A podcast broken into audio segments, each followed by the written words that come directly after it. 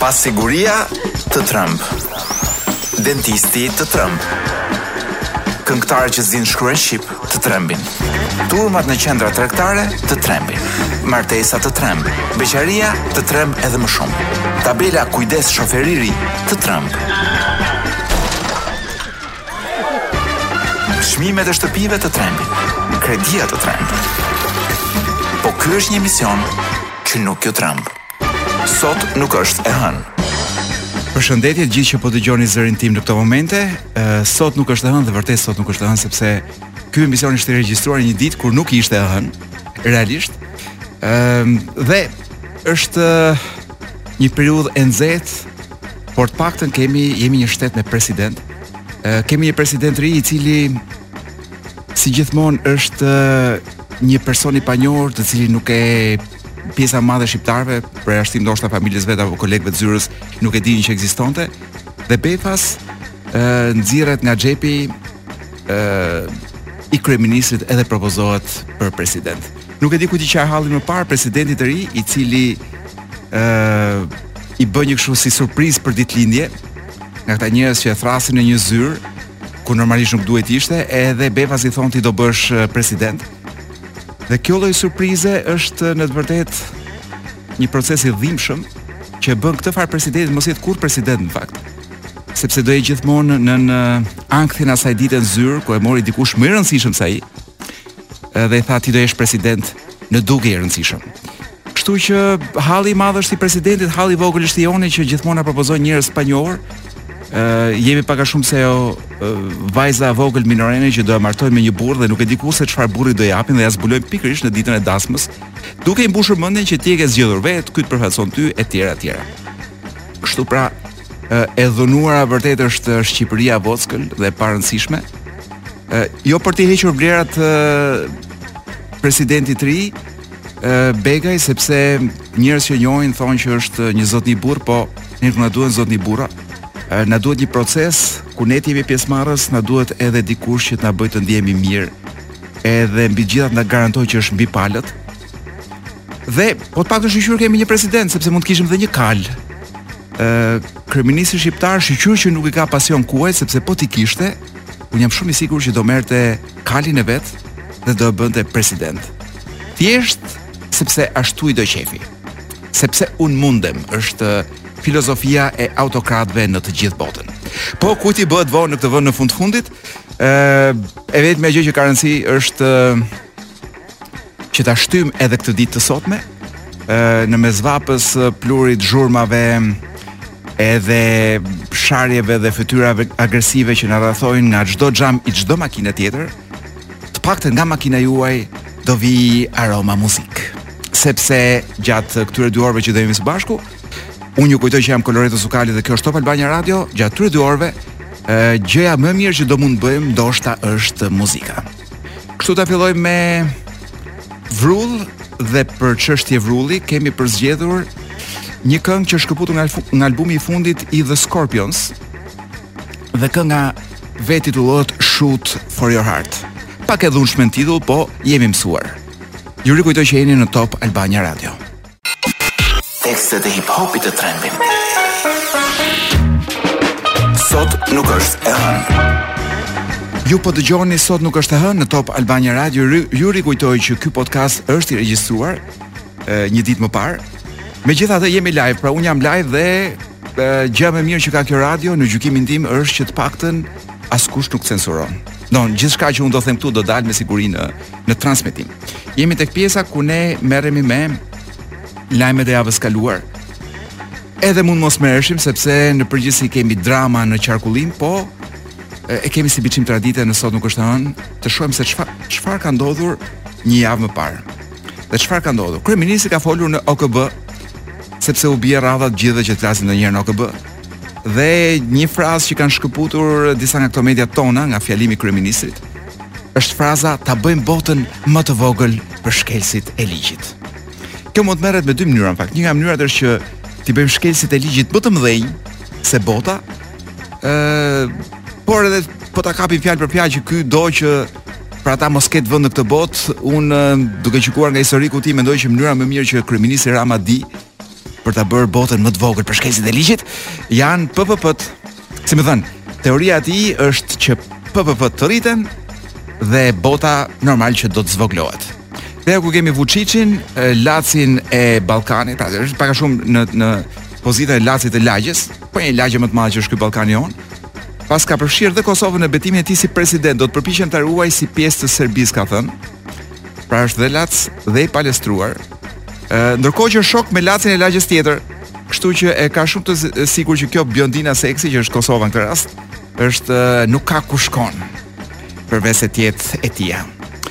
Ë do të flasim pak më vonë edhe për këtë skandalin e kësaj zonjës Felaj, e cila në mënyrë fare të papërgjegjshme, për të mos thënë të paturpshme, për të mos thënë dhe pa cipë.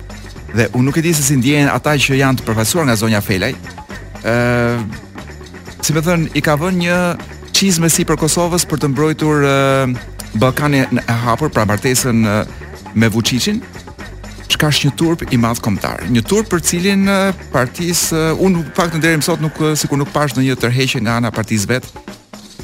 ose një deklaratë për ta kundërshtuar atë që ka thënë zonja Felaj, Felaj do të thellohemi pak më vonë. Gjykata e Strasburgut dënon Shqipërinë për uh, segregimin e fëmijëve romë dhe egjiptianë, le të ndalemi paksa këtu, sepse më duket një ngjarje ne mund ta kishim kaluar siç kalojmë çdo gjë, por Shqipëria paska shkelur nenin një të protokollit 12 të Konventës Europiane për drejtë, pra njëshin. Ë, domethënë neve nuk pritëm kështu që të kalojë i pari, i dyti, edhe të shkelim nenet atje nga 7-a, nga 8-a. Jo, kemi shkelur direkt nenin e parë. Ë, të drejtave të njeriut. Ë, kështu që do paguajë e, për familjet të cilat janë u janë shkelur të drejtat e, nga qeveria shqiptare do paguhen nga 4500 euro që më duken shumë pak për secilën nga familjet. Ë, dhe e gjitha kjo sepse këtyre e, romëve ë në shkollën ku kanë studiuar, ë nuk kanë ë, tentuar t'i regjistrojnë në shkollë, me sa po kuptoj. Ikim nga ë gjyqi i Shqipërisë dhe janë bërë dhe janë bërë miliona nga gjykatat ë, ndërkombëtare ndaj Shqipërisë. Ë po kujt i bëhet vonë fundfundit? Dhe ja ku kapet një person që ka tentuar të vrasë në 97-ën me formulën që drejtësia vonon por nuk harron, le të themi që ë bëhet fjalë për cironka. E kanë arrestuar autorin në Fier, por është një cironkë sepse peshqit e mëdhej ë në këtë rast siç e dimë të gjithë drejtësia pëson një si biçim amnezie. Ngjarje e bukur, në Sarandë kanë vjedhur portën e spitalit, do të thotë që mund të vidhej dhe porta e spitalit, kjo më duket e habitshme, pra që të vjedhësh një portë komplet dhe të mos arrijë të ndalohet apo të kapet dot këto gjëra vetëm në Shqipëri mund të ndodhin, po e kanë kapur pak më vonë kur donte ta sharronte, ta çmontonte, nuk di, a ta shkrinte fare atë portën. 29 vjeç. Pra njeri pa pikë fantazie ose me fantazi të ekzagjeruar, vodhi një portë spitali. Ndoshta donte një sistem shëndetësor të lirë dhe të barabartë për të gjithë. Le ta hapim, le ta heqim atë derë dhe le të hapet dera për të gjithë. Dy hajdutë të tjerë, o këta hajdutë ndoshta mund t'i trajtojmë pak më vonë. Kanë këta kanë vjedhur vaj ulliri, ë njëri prej tyre që ka arrestuar. Një Arsen Lupin shqiptar dhe ky.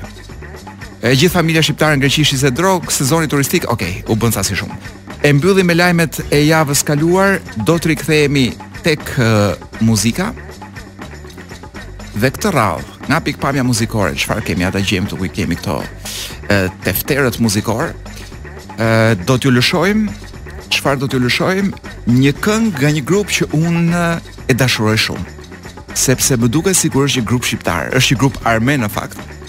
Po unë seç i ndiej armenët sikur jemi kështu si biçim uh, popull i vujtur. Ata kanë vujtur ca më shumë se ne pak, se u kanë bërë disa gjenocide njëri mbas tjetrit. Ë, uh, po jemi, si me thënë, të dyja palët të rritur kështu si si kalamaj të humbur si jetimë në kohën e perandorisë osmane, System of a Down. Lost in Hollywood. Ju rikujtoj që po dëgjoni Top Albania Radio dhe sot nuk është e hënë.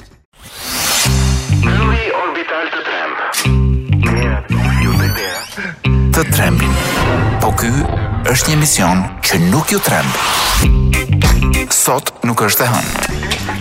Ndoshta ju mund të mendoni që ngjarja më e rëndësishme e javës së kaluar ishte zgjedhja e presidentit të ri, edhe pse unë e di që ju nuk e mendoni këtë gjë, është thjesht një kuriozitet është unë besoj që edhe finalja e Big Brotherit ka pasur më shumë uh, ankth edhe pritje edhe pritshmëri të mëdha se sa zgjedhja e një presidenti ku askush realisht nuk u bë dot palë ë uh, pra që doli nga mënga e një personi të vetëm as nga mënga jo nga kafazi uh, i vetmi kuriozitet ishte kë do nxjerri Rama nga kafazi sot për ta bërë president dhe ndoshta po jam pak i i ashpër me presidentin e ri por uh, mënyra se si zgjidhesh dhe se si ti pranon të zgjidhesh, unë mendoj që flet shumë për jo vetëm për atë që ti je, por dhe sa i pazoti je për t'iu kundërvënë një gjëje të padrejtë. Dhe kam në pikëpyetje çdo gjë që mund të bëjë një president i zgjedhur në një mënyrë të tillë siç do kisha siç kam pasur pikëpyetje edhe për kryeprokurore të zgjedhura në forma të tilla. Kështu që me keqardhje po Ëh, nuk na ngelet vetëm të presim që edhe ky president të hajë atë mandatin e vet e ta heqin. Në një vend ku asnjë president nuk ka gëzuar dot një mandat të dytë, çka tregon që procesi ka një problem shumë të madh. Por ngjarja e madhe e vërtetë nuk ishte kjo. Ngjarja e madhe e vërtetë ishte ngjarja e Librazhdit, e cila me të me të padrejtë, ëh, me shumë të padrejtë nga mediat konsiderohet apo përshkruhet me titullin ngjarja e vajzës që tradhtoi, sepse nuk është ngjarja e vajzës që tradhtoi.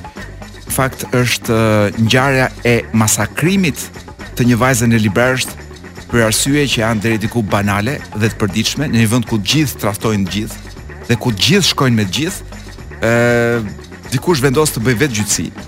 Por gjëja që më shqetësoi mua sepse ne folëm pak një javë më parë për këtë ngjarje, Gjëja që më shqetësoi shumë mua ishte mënyra se si e morën mediat ngjarjen, dhe që ishte një turp i vërtetë dhe në qoftë se ajo fjala kazan që thotë kryeministri për arsye të tjera për mediat mund të kishte një një kuptim është janë pikërisht ngjarje si kjo ku deri edhe emisione të rëndësishme ku di unë që nga këto të pasdites e deri tek ato të darkës ë që nga këto biondinat e deri tek ata ë qoset, pra gjithë këta njerëzit që që uh, apo mjekrroshët, gjithë ata që bëjnë sikur janë njerëzit më të zgjuar, më të ditur në këtë vend, gazetarët e mëdhenj dhe të elitës çfarë bënë? E trajtuan si një çështje tradhtie.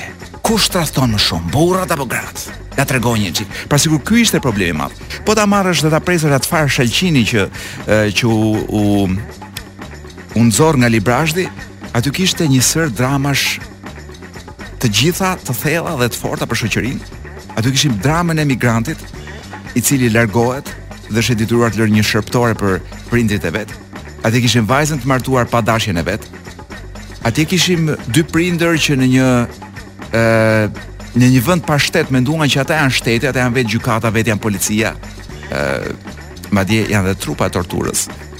Madje ishin dhe vetë mediat sepse ata e bënë lajmin dhe e xhiruan lajmin vetë dhe shpërndanë. Ë pra në këtë seri dhe për të mos folur për bar, pabarazinë e trajtimit një gruaje ë karshi një burri. Ë për të pa, për të vazhduar më tej me me rastin e dhunës së, së ekzagjeruar ë edhe në rrjetet sociale ku mbrojtësit e nderit nuk lanë gjë pa folur me termat më të më të këqinj dhe më të egër dhe më agresivë. Pra gjitha këto tema e, që dolën nga ky shalqini i kalbur i Librazhdit, zotërinjtë e elitës mediatike vendosën të kapin temën që atyre iu duk më interesantja. Kush tradhton më shumë? Meshkujt apo gratë? Epo turp që t'u vijë. Domethënë, ë uh, ata janë katundarë dhe gjithë këto gjëra që bëjnë vijnë prej pasojë të një të një agresiviteti katundaresk, ë uh, që është agresiviteti i periferive të Shqipërisë, per, sepse periferia e Shqipërisë e tillë është. Madje edhe periferia e periferia e Tiranës e tillë është.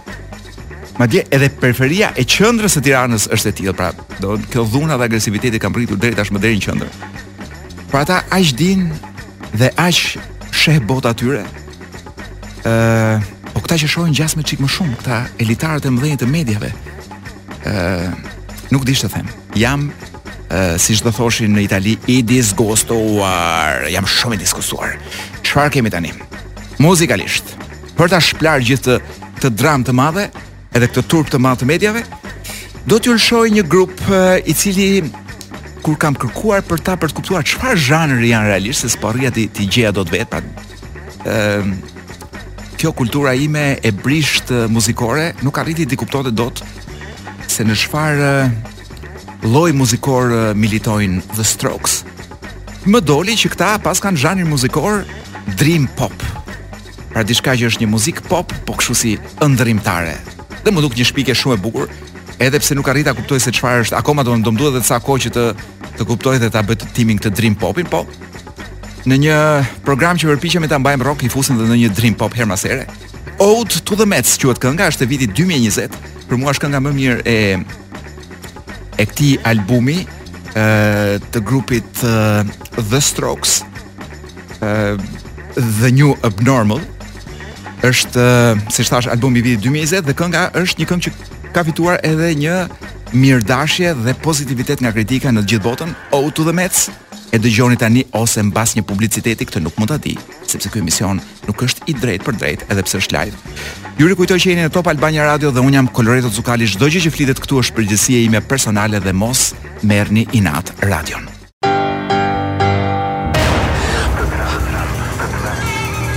Të llahtaris Por ky është një emision që nuk ju tremb.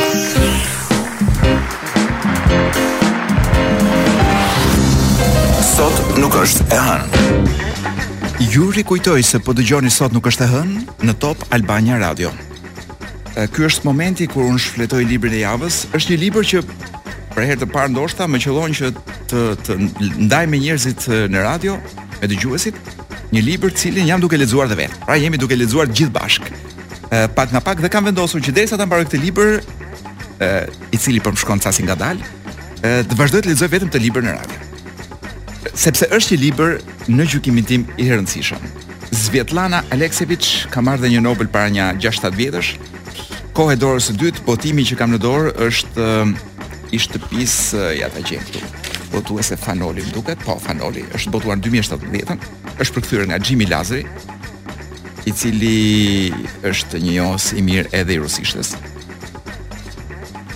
Dhe libri flet për për dy botët e vendeve tona, vendeve që kanë qenë dikur një vend komunist dhe që më pas përmes një momenti tranzitiv për ne është ai dhjetori i 1990-s për rusët ka qenë diçka tjetër ka qenë duket gushti ai 90-s ai 91-shit pra patëm një thyerje në mes dhe kaluam nga një sistem në një sistem tjetër krejt të ndryshëm ishte si të futeshim nëpër atë vrimën e Lizës Po që nuk na çoi në botën e çudirave dhe ky është përjetimi në këtë libër është pikërisht përjetimi i njerëzve, të cilët kanë jetuar dhe atë kohë dhe këtë kohë.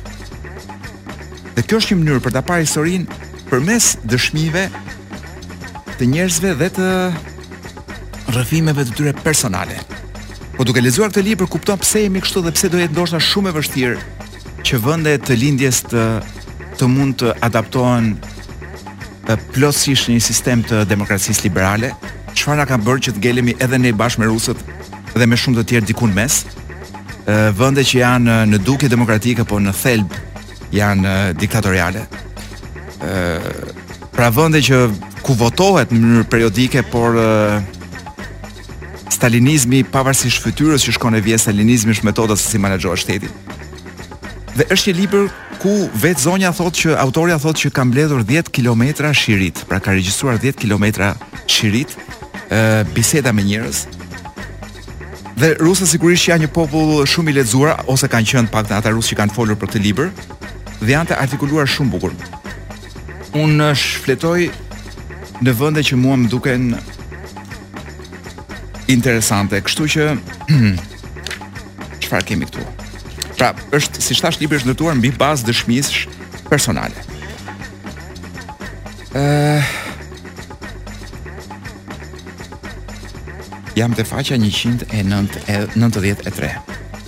Pra kjo është historia e një burri i cili tenton të tregon se si tentoi të adaptohej në periudhën e mbas ndryshimit të sistemeve.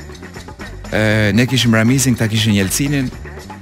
Ë dy njerëz të dështuar, këta në fakt patën dhe Gorbaçovin dhe Jelcinin më pas. Ë atëherë unë u bëra hamall thotë. Pra, ja si hyri në jetën tonë kapitalizmi. Me dhjetra vite kishin kursyer e kursyer dhe më në fund s'u kish mbetur asgjë mënjanë. Kjo sikur u preu këmbët. Ua shkatërroi botën e tyre dhe pas kthesës nuk u futën dot më në rrugën kryesore. Mbetën anash. Ky po flet për prindërit e vet. Vëlla i vogël pas mësimeve zuri të lante makina dhe shiste çamçakiza ose pisllëqe të tjera në metro dhe fitonte më tepër se babai. Ky kishte doktoraturë në shkenca, ishte shkencëtar. Elita sovjetike. Kur sallamet legjendare u rishfaqën nëpër dyqane, të gjithë u turrën t'i blinin. Kur panë çmimet pastaj, pika pika pika. Ja si hyri në jetën tonë kapitalizmi. Më duhet të sqaroj që për rusët sallami është siç është për ne mishi, pra që ne kuptojmë mirëqenien nëse kemi mish, mish, mish në shtëpi. Këta kanë sallamin, që më duket çik më seksi se sa mishi jonë, ajo llokmë mishi që duhet të jetë, që duhet të ishte më parë e varur diku. Kur s'kishim varur në balkon kur nuk kishim uh, dhe tharë, kur s'kishim frigorifer. Vazhdojmë rrëfimin e këtij burrit. Mund t'ia gjej emrin e këtij burrit po qe duhet. Unë u bëra hamall, ishte lumturi e vërtetë. Shkarkonim një kamion me sheqer dhe na paguanin me para në dorë e nga një thes me sheqer secilit. A keni idenë se sa vlente vitet 90 një thes me sheqer? Një pasuri e vërtetë.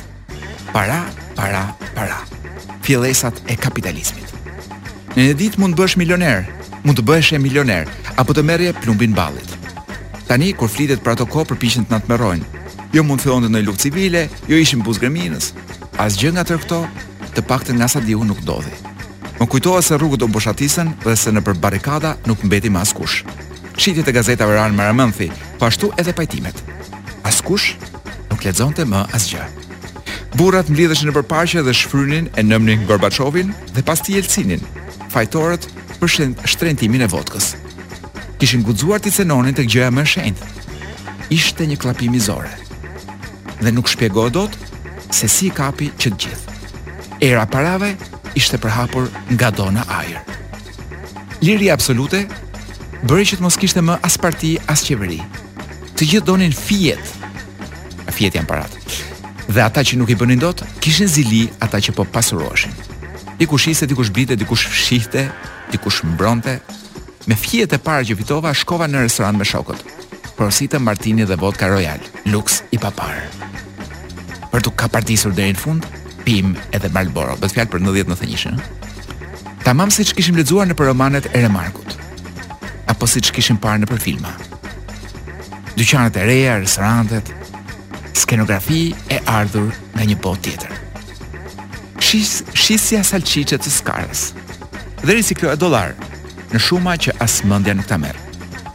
Dorëzova një ngarkesë me vodkë në Turkmenistan. Bashkë me ortakun tim kaluam një javë të tërë të mbyllur në një vagon mallrash, sepse duhej të bënim roje. Sikur ndokush të merrte vesh se çfarë po transportonim, do të na kishin qëruar në vend. Në kthim ngarkuam peshqirë pambuku. Kam shitur, shitur dhe lodra fëmijësh. Një herë më blenë një ngarkesë të tërë me çmim shumice dhe më paguan me pije të gazuara, që i këmbeva me një kamion me fara luledielli. Një pjesë ia shita një fabrike vaji, ndërsa tjetrën e shita me pakicë në këmbim të tiganëve teflon dhe hekurave për hekurosjen e rrobave. Tani merrem me biznesin e luleve. Pazari thotë u bë universiteti ynë. Universitet mbase ca si tepër, po shkollë fillore jetë për jetën, po. Njerëzit vinin si në muze, si në bibliotekë. Vajza dhe djem me vështrim të trallisur nëpër rreshta të gjatë me tezga. Një çift ndaloi një herë për të parë demonstrimin e një aparati për depilim nga ata kinezët. Ajo zuri t'i shpjegonte atij se sa e rëndësishme është të depilohesh.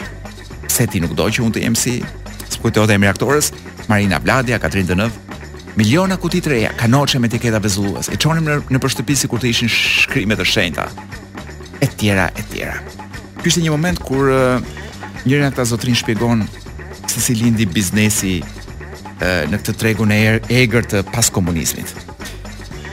Po e lëmë mënjanë librin, Dhe po rikthehemi tek muzika, me çfarë do ta shplajmë këtë muzikën, këtë këtë muzikë? Kjo muzikë është për veshët ky libër, për veshët e mi. Është libri që na shpjegon Shqipërinë e sotme.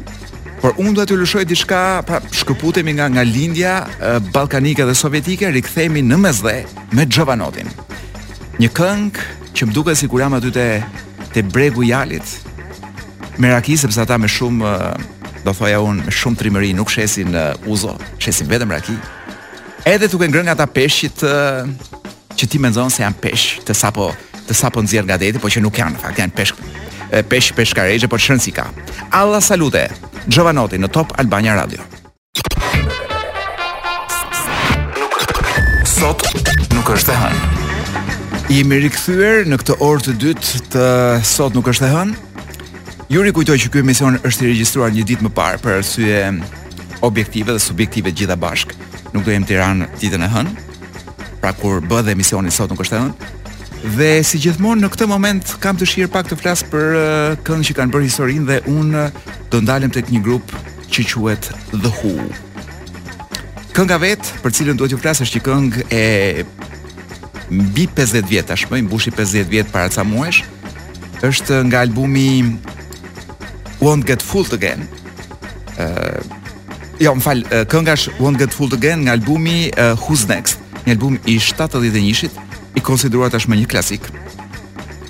Dhe kjo gjëja që nuk do më gënjesh më është uh, duket sikur është një një përkufizim kështu ë gati politik.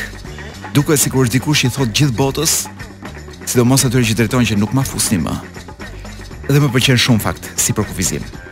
Është kënga e fundit e albumit dhe Gjë, arsyeja pse dua t'ju flas shumë për këtë për këtë këngë të The Who është sepse ndoshta në gjykimin tim, por edhe të disa të tjerëve, ë kjo mund të jetë ndoshta ulërima këtu brenda kësaj kënge gjendet ndoshta ulërima ë më e fortë e rock and rollit, sepse sidomos vitet 70, por edhe 80-at besoj ka pasur mjaftueshëm, tek-tuk në 90-at, shumë rrallë 2000-at, ë këta këngëtarët e rrokut për të për të treguar pak edhe mjeshtërinë e tyre në të kënduar, i lëshonin ndonjë ndonjë ulëritje prej nja 8 oktavësh thuaj, ku di unë për X-in që e ka ai shkon deri në 8 oktavë, nuk e di mirë nëse ka 8 oktava ku mund të shkojë një burrë, po mbase edhe ka. nga gjithë ato ulërima rroku kjo e The Who është ndoshta më e ta unshendit pra është ndoshta më e ta unshendit është është ë është autori i këngës pra kjo është ndoshta nga, nga më ulërimat më interesante edhe më të veçanta dhe ndoshta më e madhja ndonjëherë e rockut pra më e fuqishme në në muzikën rock. Ë uh, unë do doja që këtë këngë ta dëgjojmë në versionin e vet të plotë sepse ka një arsye pse ata burrat e kanë bërë 8 minuta këngën. Dhe sigurisht që për radio tani i fusin, i presin, i bëjnë i fusin 3 minuta sepse njerëzit ndoshta nuk mbajnë dot shumë. E kanë memorien paksa të shkurtër. Çdo gjë mbi 4 minuta nuk e mbajnë më mend. Ë, por ne do tentojmë të lëshojmë një version të gjatë edhe aty të ngordhni duke dëgjuar. Ulërima në fjalë është diku nga minuta 7, 7 e gjysmë. Pra diku andej nga fundi. Kënga vetë siç thashë është një këngë që duket sikur flet po ta dëgjosh edhe nga përmbajtja duket sikur flet për për ku di unë për revolucionin etj etj. Por jo, nuk është e vërtetë. Kjo është një është gati gati një këngë antirevolucionare sepse Sepse ky ë ky grupi dhe ky zotria që këndon do t'i tregojë botës që sado revolucione të bëjmë duket sikur asgjë nuk ndryshon. Pra gjithmonë bosi i ri që vjen është i njëjtë si bosi i vjetër ë që ishte. Kështu që dhe ndoshta kjo provokon pak edhe atë edhe atë klithmën, atë thirrje, atë ulërimën në fund, e cila është shoqëruar me një sintetizator, pra ndërtohet brenda bashkë me sintetizatorin derisa vjen ulërima, Po them një një kryemjeshtëri në këtë këngë, unë shpresoj shumë që edhe po s'e pëlqyet si zhanër, të paktën të të t'ju ngacmojë kuriozitetin, edhe të mbani mend minutën e 7, të mos merreni me muhabete edhe llogje të parëndësishme në makinë, por aty nga minuta 7 e gjysëm do keni edhe ulërimën më të më të madhe dhe më të fuqishme të rock and rollit. Edhe një herë për ju ju vijnë The Who me Won't Get Fooled Again në Top Albania Radio. Sot nuk është e hënë. Sapo kemi kaluar një qershorin që është ju e dini se çfarë është? Por është një festë që nganjëherë kemi kënaqësinë të themi njëri-tjetrit gëzuar festën. Pra bëjmë sikur jemi edhe ne bëjmë sikur jemi nga një çik fëmijë. Unë i them DJ Wizit gëzuar festën e më thotë, po gëzuar ti edhe pse harron që unë e kisha festën. Ë uh, kur ishte festa e ushtrisë, duket më, se e kanë ndryshuar dhe festën e ushtrisë, nuk është më ajo që ka qenë. Ë, por shpesh harrojmë që këta fëmijë të cilët përpiqemi që për një ditë t'i bëjmë gjithë të lumtur, kush ndoshta edhe duke i blerë atë gjë që nuk ja blen dot ose se nuk do ose gjykon se është e dëmshme një patatina, një kola, një gjë kështu. Ë, por shpesh harrojmë që këta fëmijë po rriten në botën më të keqe të mundshme. Ë, janë fëmijë që po rriten mes një dhune verbale të vazhdueshme, nganjëherë dhe fizike. Dhe jo vetëm kaq, por unë kam vërejtur që ne nuk para flasim shumë që kemi dy lloj fëmijësh në këtë vend. Ë, kemi fëmijët e popullit, por kemi edhe fëmijët e luksit. Dhe mënyra si po rriten këto dy palë fëmijë është sigurisht ndryshe nga njëra tjetra. Kështu që sot në rubrikën 10 gjëra, një rubrikë për cilën më ndihmon ë dhe talentit Mr. Ripley, kolegu im Florenc Zerellari. Do të përpiqemi të bëjmë të gjejmë 10 gjëra nga dallojnë fëmijët e luksit nga fëmijët e popullit. E para, fëmijët e luksit dallojnë nga fëmijët e popullit sepse shumica e tyre jetojnë në fshatra, por në fshatra turistikë, të izoluar nga pjesa tjetër. Ndërsa fëmijët e, e popullit jetojnë në fshatra të vërtetë. Ëh është dhe pika e dytë ku fëmijët e luksit dallohen nga fëmijët e popullit është se vishen me rroba firmato, por të reja dhe jo të blera te gabi. E treta është se ka një ushtri me mësues privatë të cilët uh, shkojnë me qejf për të dhënë të njëjtat mësime që pa qejf ua japin fëmijëve të popullit paradite. Dhe ndryshimi i katërt është që kur mblidhen si familje për darkë, fjalët kyç që dëgjon fëmija i luksit është para, sa para bën kjo, sa para bën ajo, sa para bëri babi, sa para do na bëjnë pushimet e tjera tjera, sa para ka filani, sa para bën celulari i filanit, do celular të ri, sa para bën celulari që do të jap ty e tjera tjera. ku ndoshta te fëmijët e popullit mund të diskutohen edhe notat sepse nga ato nota varet se sa para do ketë nesër ai fëmija i popullit. Ditëlindjet e fëmijëve të luksit kushtojnë sa një 100 ditëlindje normale dhe nga një e ftuar speciale është edhe ne s'e po them se nuk dua të bëj reklamë këtyre këngëtarëve që shkojnë dhe këndojnë nëpër këto festat private të fëmijëve të të luksit. Ë, madje edhe topi me cilin luajnë futboll fëmijët e luksit, në fakt nuk luajnë se nuk është se kanë pasion në fakt për gjërat, ë kanë thjesht nevojën që të kenë gjëra, duke imituar prindin e tyre. Por topi që ata kanë aty në shtëpi është i autografuar nga Ronaldo i blerë dhe në ankand madje. Pushimet i bëjnë në Antalya dhe nuk i bëjnë nuk i bëjnë te gjyshja për të kursyer. ë te gjyshja në fshat pra, në fshatin e vërtetë. ë kanë kuzhinier dhe parukier personal që në moshën 4 vjeç Ndryshe nga fëmijët e popullit që u gatuan në rastin më të mirë gjyshja, në rastin më të keq kush të vijë i pari nga puna, dhe për parukier kanë gjithmonë babin se kur kanë mamin është një shans, është një fat shumë i madh për fëmijët e popullit.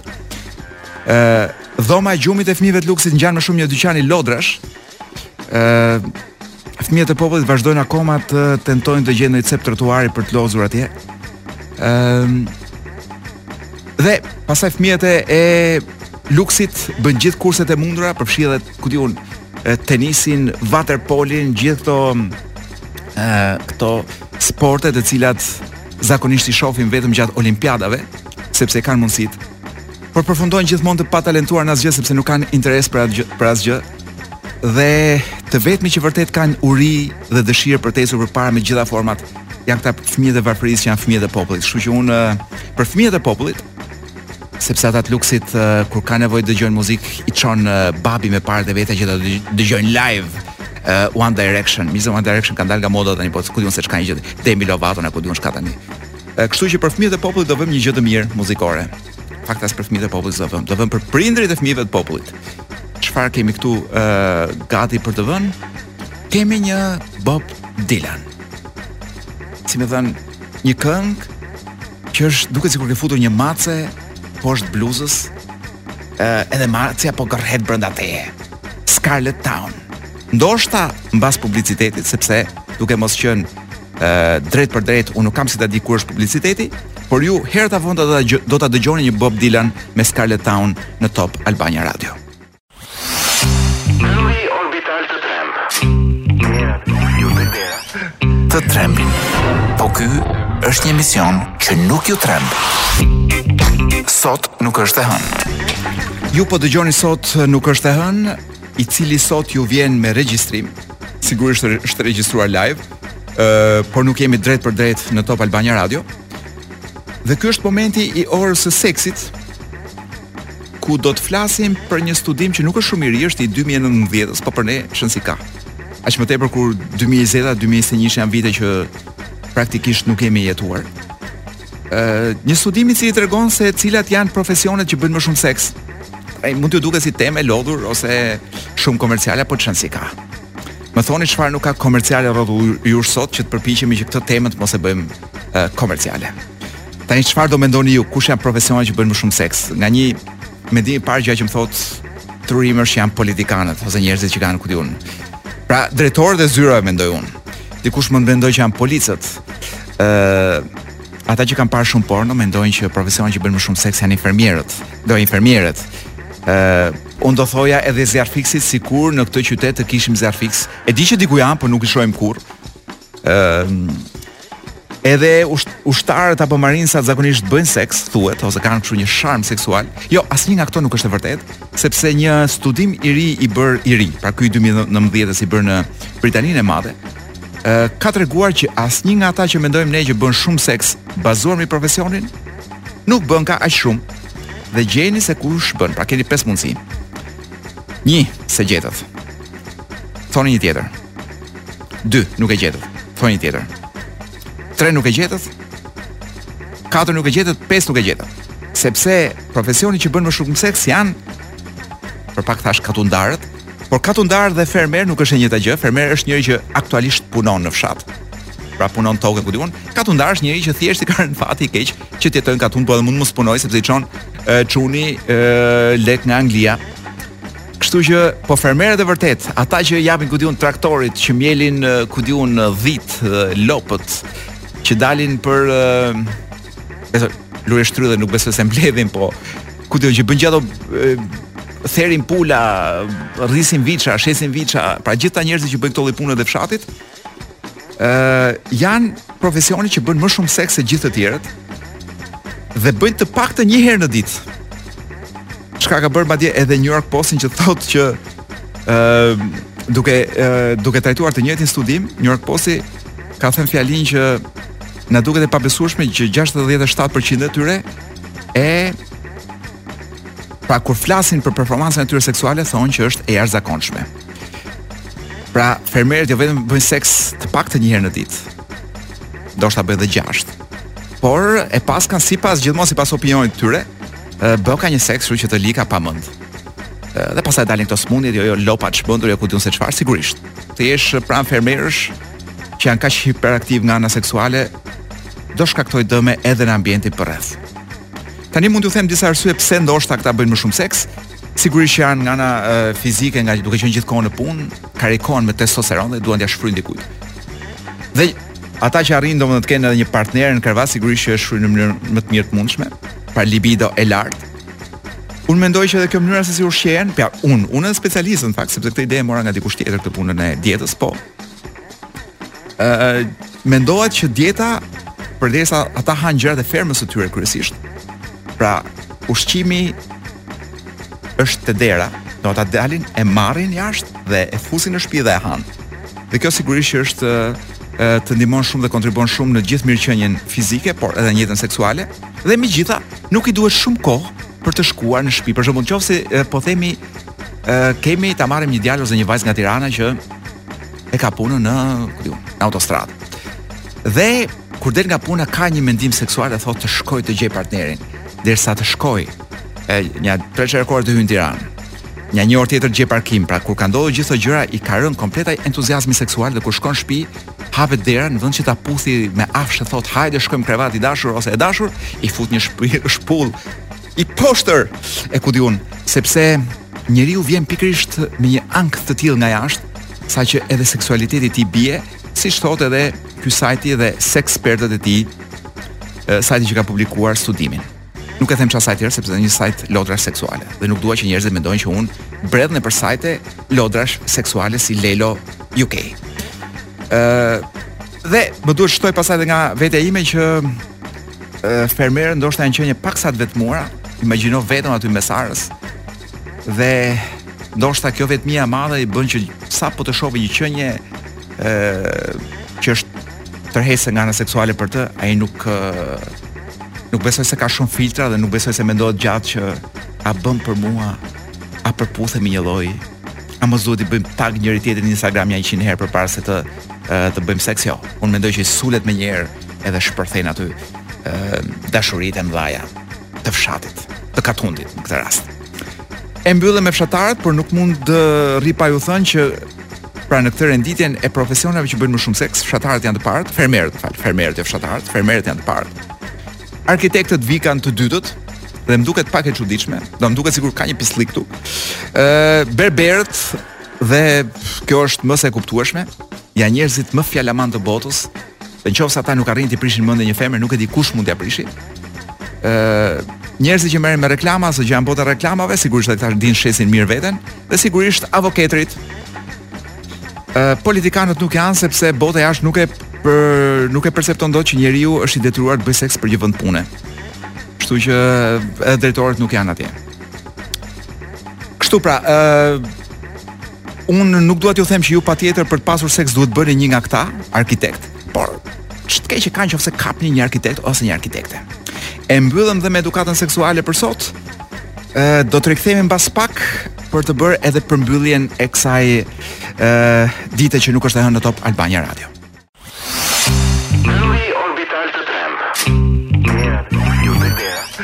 Të trembin. Po ky është një emision që nuk ju tremb. Sot nuk është e hënë. Kemi mbritur në fund të këtij eh, programi ku donim të bënim me zor që nuk është e hënë, sepse në të vërtetë ky program është regjistruar një ditë më parë kur nuk ishte vërtet e hënë. Ë, uh, ne do t'ju lëmë me lajme tani dhe pastaj me gjithë gjërat e tjera që radio ka për t'ju ofruar. Unë ju rikujtoj që së bashku do të ridëgjohemi mbas një jave. Unë jam Koloreto Cukali. Ë, uh, dhe çdo gjë që thuhet këtu është përgjegjësi e imja personale. Vazhdoni të qëndroni në Top Albania Radio.